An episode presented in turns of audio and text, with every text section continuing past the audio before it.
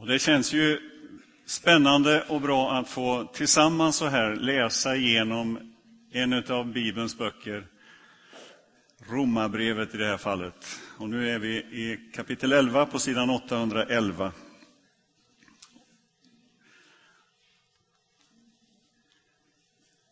Jag frågar då, kanske Gud har förskjutit sitt folk? Visst inte. Jag är ju själv israelit, ättling till Abraham och av Benjamins stam. Gud har inte förskjutit sitt folk som han en gång har utvalt. Ni vet ju vad skriften säger i berättelsen om Elia då han anklagar Israel inför Gud. Herre, dina profeter har de dödat och dina altaren har de rivit ner. Jag är ensam kvar och nu står de efter mitt liv. Vad får han för svar från Gud? Jag har sparat åt mig 7000 män som inte har böjt knä inför Baals bild. På samma sätt finns det i vår tid en rest som Gud har utvalt av nåd. Men om det var av nåd var det inte för gärningarnas skull, då vore nåden inte nåd. Det betyder att Israel inte har uppnått vad de strävar efter, bara de utvalda har uppnått det. De andra har blivit förstockade. Som det står skrivet, Gud har gett dem en ande som omtöcknar dem, gett dem ögon som inte kan se och öron som inte kan höra ända till denna dag. Och David säger, låt deras bord bli en fälla för, som fångar dem, en stötesten, ett straff för dem. Förmörka deras ögon så att de inte kan se och böj deras ryggar för alltid. Jag frågar då, kanske snavade det för att de skulle falla? Visst inte. Men när de föll blev det till räddning för hedningarna, för att detta skulle sporra deras egen avund. Om deras fall gav världen rikedom och deras nederlag gav hedningarna rikedom, vad ska då inte deras fulla styrka ge? Men till er hedningar vill jag säga, Just som apostel för hedningarna prisar jag min tjänst. Kanske kan jag väcka mina stamfränders avund och rädda några av dem. Ty om detta till försköts gav världen försoning, vad ska då deras upptagande ge om inte liv för de döda? Om det första brödet är heligt är hela baket heligt, och om roten är helig är också grenarna heliga. Om några av olivträdets grenar har brutits bort och du, som är en gren av en vildoliv, har ympats in i stället och får del av saven från det äkta trädets rot, så förhäv dig inte över de andra grenarna. Om du gör det du ska, skall du veta att det inte är du som bär roten, utan roten som bär dig.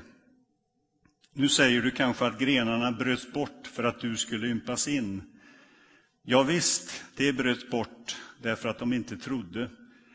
Men du är kvar därför att du tror. Var inte övermodig, utan ta dig i akt. Ty om Gud inte skonade de ursprungliga grenarna ska han inte heller skona dig. Du ser att Gud är både god och sträng, sträng mot den som har fallit, god mot dig om du håller fast vid hans godhet. Annars blir också du bortskuren.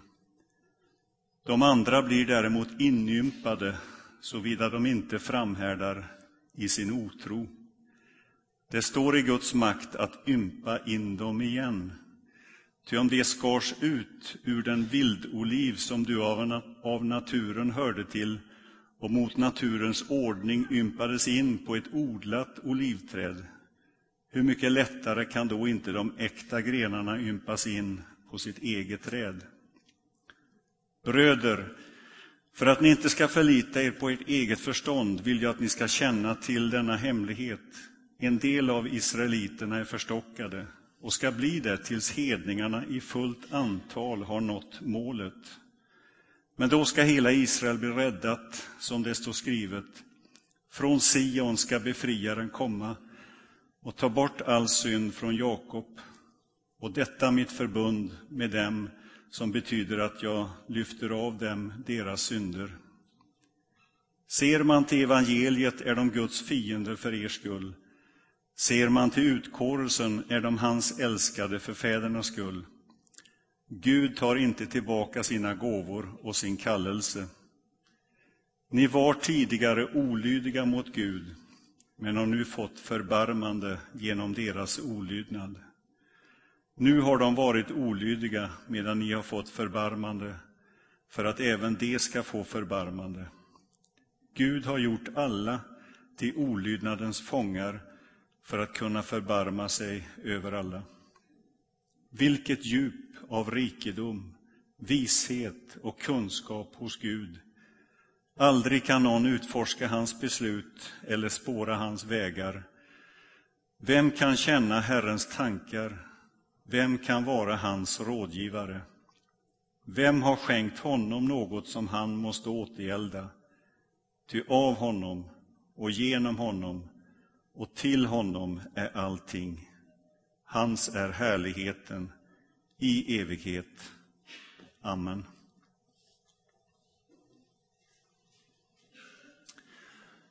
Hemma så har jag en bok som heter Livet måste ha en mening.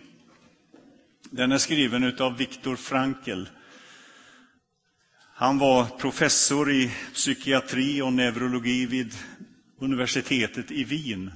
Och han skrev den här boken eh, efter sin vistelse i ett koncentrationsläger under andra världskriget. Han överlevde den, eh, det koncentrationslägret. Han förlorade visserligen allt, men han överlevde. Och under sin vistelse där så ägnade han sig åt studier. Alltså han ville se vad var det som gjorde att en del kunde överleva detta fruktansvärda som han gick igenom. Och så skrev han den här boken Livet måste ha en mening. Och den här boken är tryckt i närmare 10 miljoner exemplar. Det är en, en, eh, en fantastisk bok som beskriver det här. Och hans tes i den boken det är att den överlevde som hade något att leva för. Alltså den som hade något att leva för lever längst. Så var hans tes. Den som hade något att se fram emot, något hopp, någon bild, någon dröm, någon vision. Den som har drömmar om framtiden, den som ser de där bilderna som får liksom hjärtat att bulta. Och Frankel hade upptäckt, och, skriver om det i den här boken, att den människa som ser att ens liv inte är ett självändamål, utan vänder sig mot någonting som är utanför sig själv,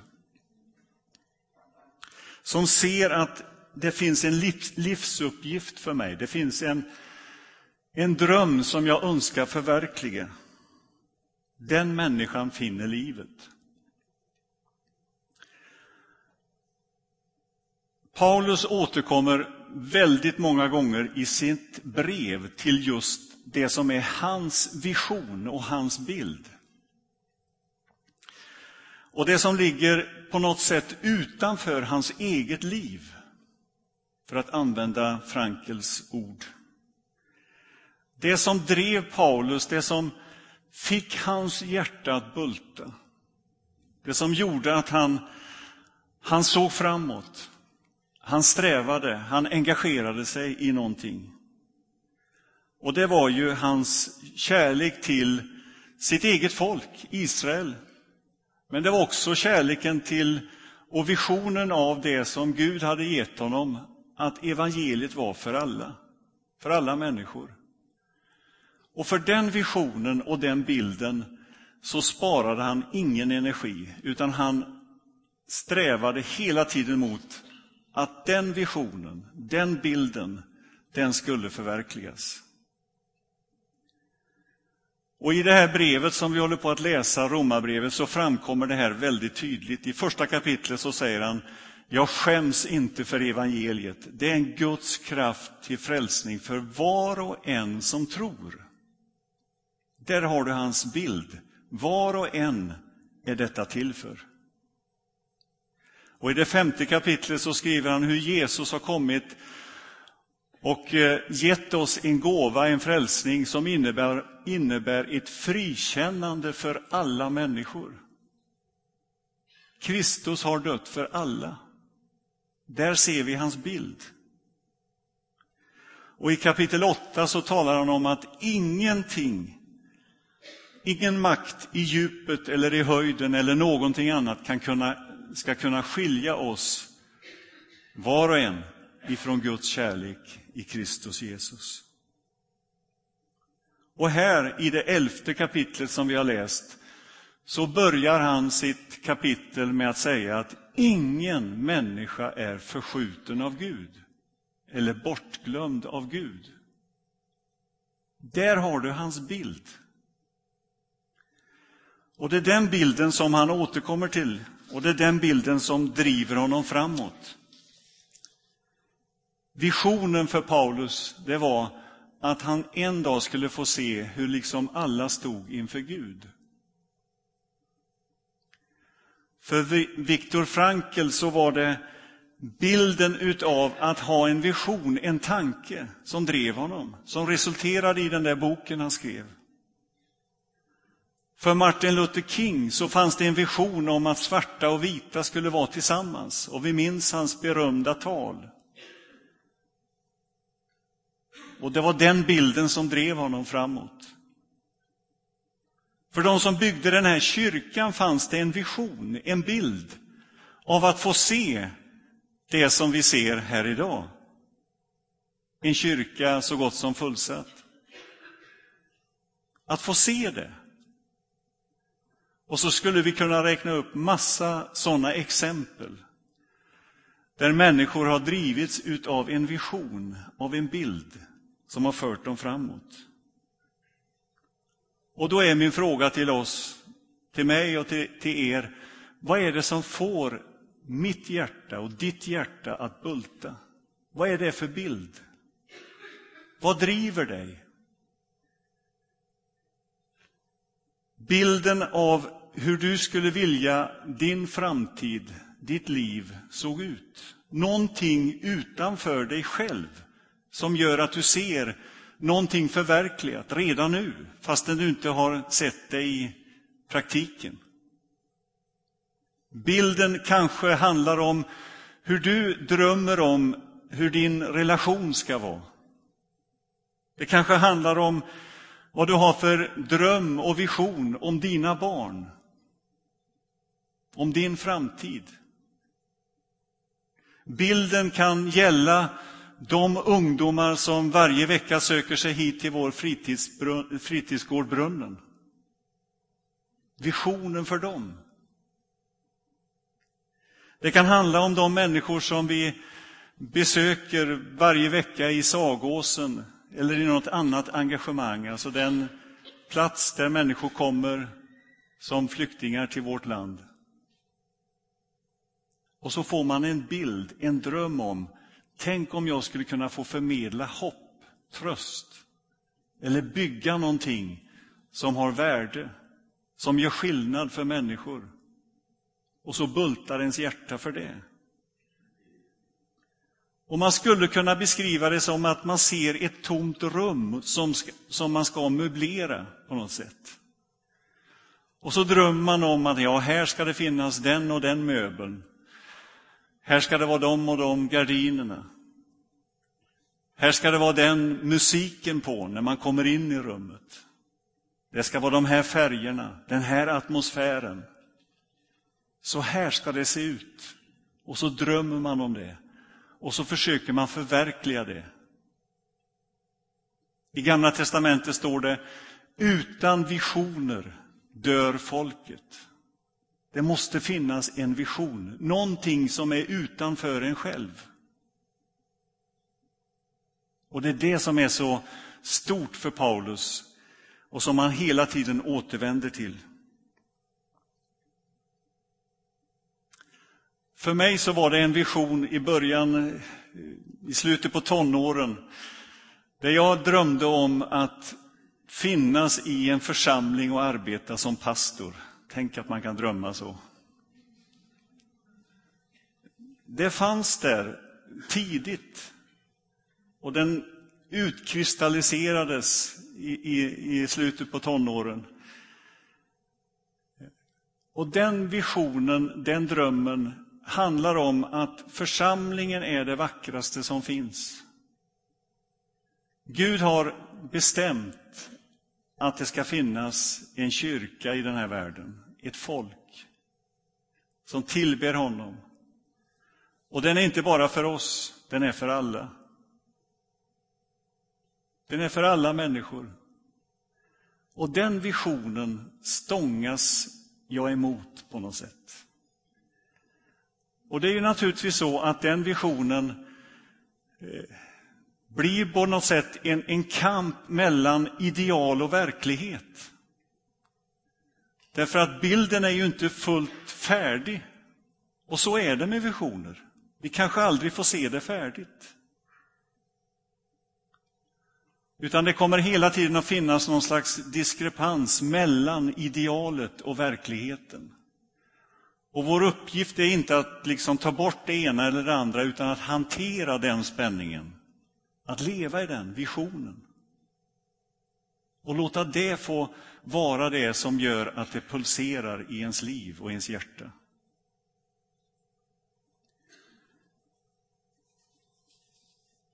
Paulus beskriver här sin stora passion. Och eh, han var ju själv jude, Paulus, uppväxt med den här visionen om det utvalda folket, Abrahams barn. Detta folk som det fanns så många löften, så många profetior omkring. Detta folk som har gått igenom så mycket lidande, så mycket svårigheter. Detta folk som har vänt Gud ryggen, kommer tillbaka igen, misslyckats igen och så vidare. Hela historien är fylld av sådana exempel. Och så kommer Jesus Kristus som Guds utvalde in i den här världen. Och Paulus får ett dramatiskt möte med denne Jesus på Damaskusvägen. Han får se visionen att Jesus Kristus är för alla människor. Och så drivs han framåt att förkunna detta överallt. Han far hit och dit på sina resor för att alla ska få höra om evangeliet om Jesus Kristus. Och så kommer den här frågan, men vad med Israels folk? Vad ska ske med det folket? Och den återkommer han till flera gånger i brevet redan i de kapitel som vi har läst. Och den når sin höjdpunkt i de här kapitlen, 10, 11 och och där talar han om just detta. Vad, vad ska ske med Israel? Har Gud förskjutit sitt folk? Har han glömt sitt folk? Hur går det med visionen? Det blir ju inte förverkligat som var tänkt. Och hans svar är genast nej, Gud har inte glömt sitt folk. Och vad för han fram för argument på det? Jo, jag själv, säger han, är ju en israelit som har funnit Jesus. Alltså, om jag kunde bli frälst, då betyder ju det att Gud inte har glömt sitt folk. Och om jag kan bli frälst, då kan vem som helst bli frälst. Jag tycker det är en sån tjusig tanke på något sätt. Om Guds gärning i Jesus Kristus räckte för att jag skulle kunna få del av Guds löften, ja, vem kan då inte få del av det? Det inger ett visst mått av ödmjukhet in i ens liv. När man ser Guds stora kärlek, förbarmande och nåd över sitt eget liv så förstår man, gäller det här mig så gäller det för andra människor också. Och så har Paulus gått ifrån denna tanke i kapitel 3. Alla har syndat och gått miste om härligheten från Gud. Här handlar det inte om min egen fromhet eller mina gärningar för att blidka Gud. Utan här handlar det om bara en enda sak och det är Guds kärlek och Guds nåd till mig, syndare. Och så ställer sig Paulus i gapet mellan detta avfälliga folk och Gud. Mitt emellan ideal och verklighet. Och det är där vi måste stå som bärare av en vision. Det är därför vi arbetar på någonting som vi kanske tycker är hopplöst. Vad hjälper det här om jag gör detta? Denna hjälp till en enda människa när det finns så många. Men så resonerar inte den som har fått en vision, en bild, utan den fortsätter. Och den stångas på och försöker hantera skillnaden mellan ideal och verklighet. fullt medveten om att rummet kanske inte kommer att bli möblerat inom min tid eller ens inom överskådlig tid. Men jag fortsätter ändå. Och låt den visionen du har inte dö ut. Och på vilket sätt dör den inte ut? Jo, genom att man hela tiden utsätter sig för den visionen så är din passion att hjälpa andra människor, så sluta inte med det. Ja, jag skulle vilja säga du kan inte sluta med det. Därför att det är någonting som Gud har lagt ner i ditt hjärta. Och han ångrar inte sin kallelse. Utan utsätt dig för det. Fortsätt att möblera fastän du inte vet att det kommer att bli färdigt inom din tid.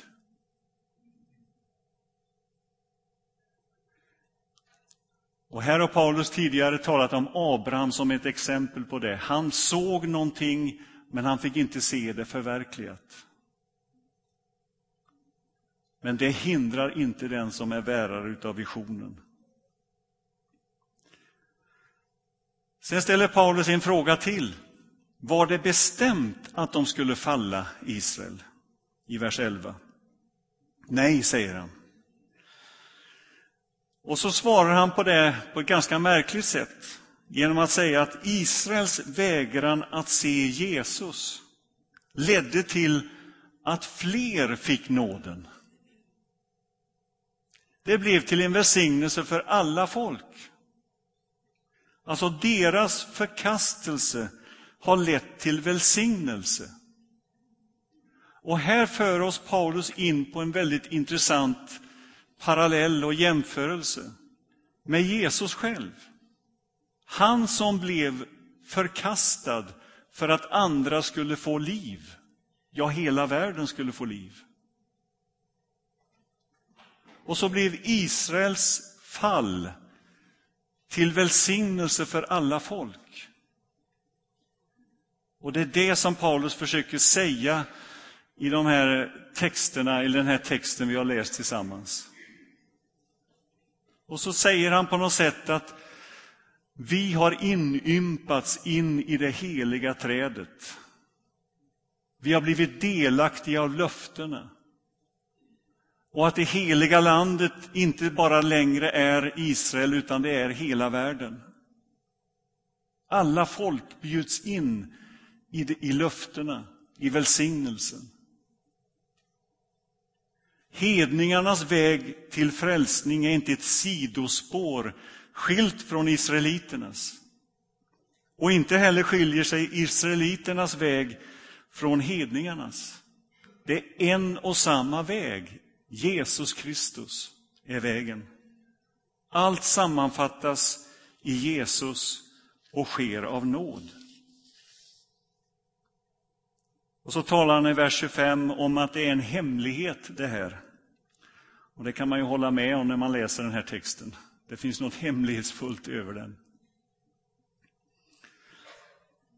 Och den hemligheten handlar om att Guds tanke med Israels folk ligger fast. Och så talar han om att det ska ske, att de kommer att få se Jesus. Och hur det blir, det kan vi bara fundera kring. Men vi vet att Guds tanke för detta folk ligger fast. Och vi följer det med spänning. Vi följer det med besvikelse ibland. Men med förtröstan på att Gud kommer att stå kvar vid sina löften. Och hemligheten handlar också om detta faktum som redan har sagt, att alla bjuds in i Kristus oavsett om det är jude eller grek eller hedning, precis som Paulus säger i, i Galaterbrevet. Och så säger han, i linje med vad Petrus säger, att Jesus dröjer för er skull eftersom han inte vill att någon ska gå förlorad utan att alla ska få tid att omvända sig. Paulus avslutar sitt kapitel med en lovsång och jag vill avsluta predikan där också. Det är som om Paulus tar oss upp på ett högt berg med en fantastisk utsiktspunkt och så säger han se, se Gud. Han är, han är fantastisk. Och så står han där, Paulus, och pekar ut över vidderna. Och så säger han, titta, se så vackert det är. Ta in det, njut av det, låt er inspireras av Guds storhet. Gud är suverän i sitt agerande, i sitt handlande. Han är outgrundlig egentligen, men han är inte oåtkomlig.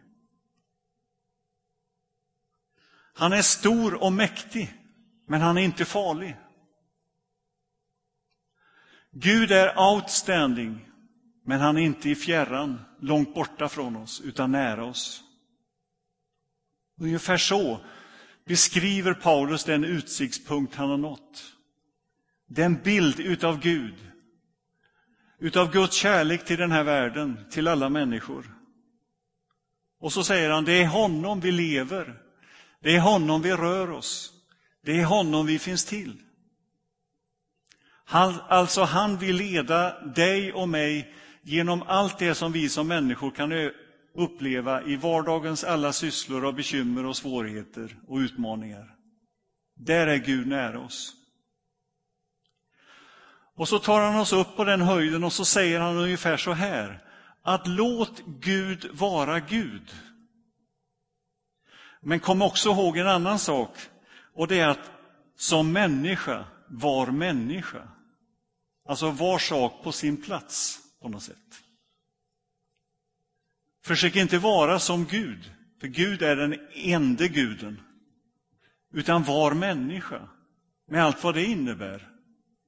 Men kom ihåg att Gud som är outstanding, som är oåtkomlig, som är suverän, han är intresserad av ditt liv i just din bräcklighet, utsatthet som det innebär att vara människa. Vilket djup av rikedom, vishet och kunskap hos Gud.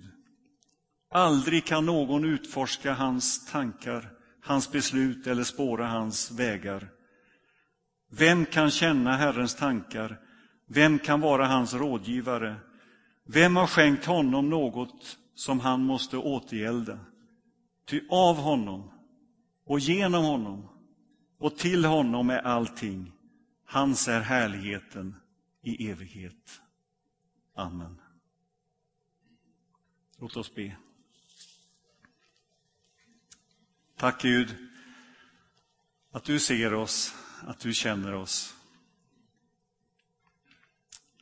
Tack för att du vill samarbeta med oss i den här världen. Att du, Herre, vill lägga ner dina bilder, din vision, dina gåvor i våra liv. Vi ber, Herre, att få vara där som du har tänkt. Ge oss din kraft. Ge oss din glädje och din ande in i våra liv. Amen.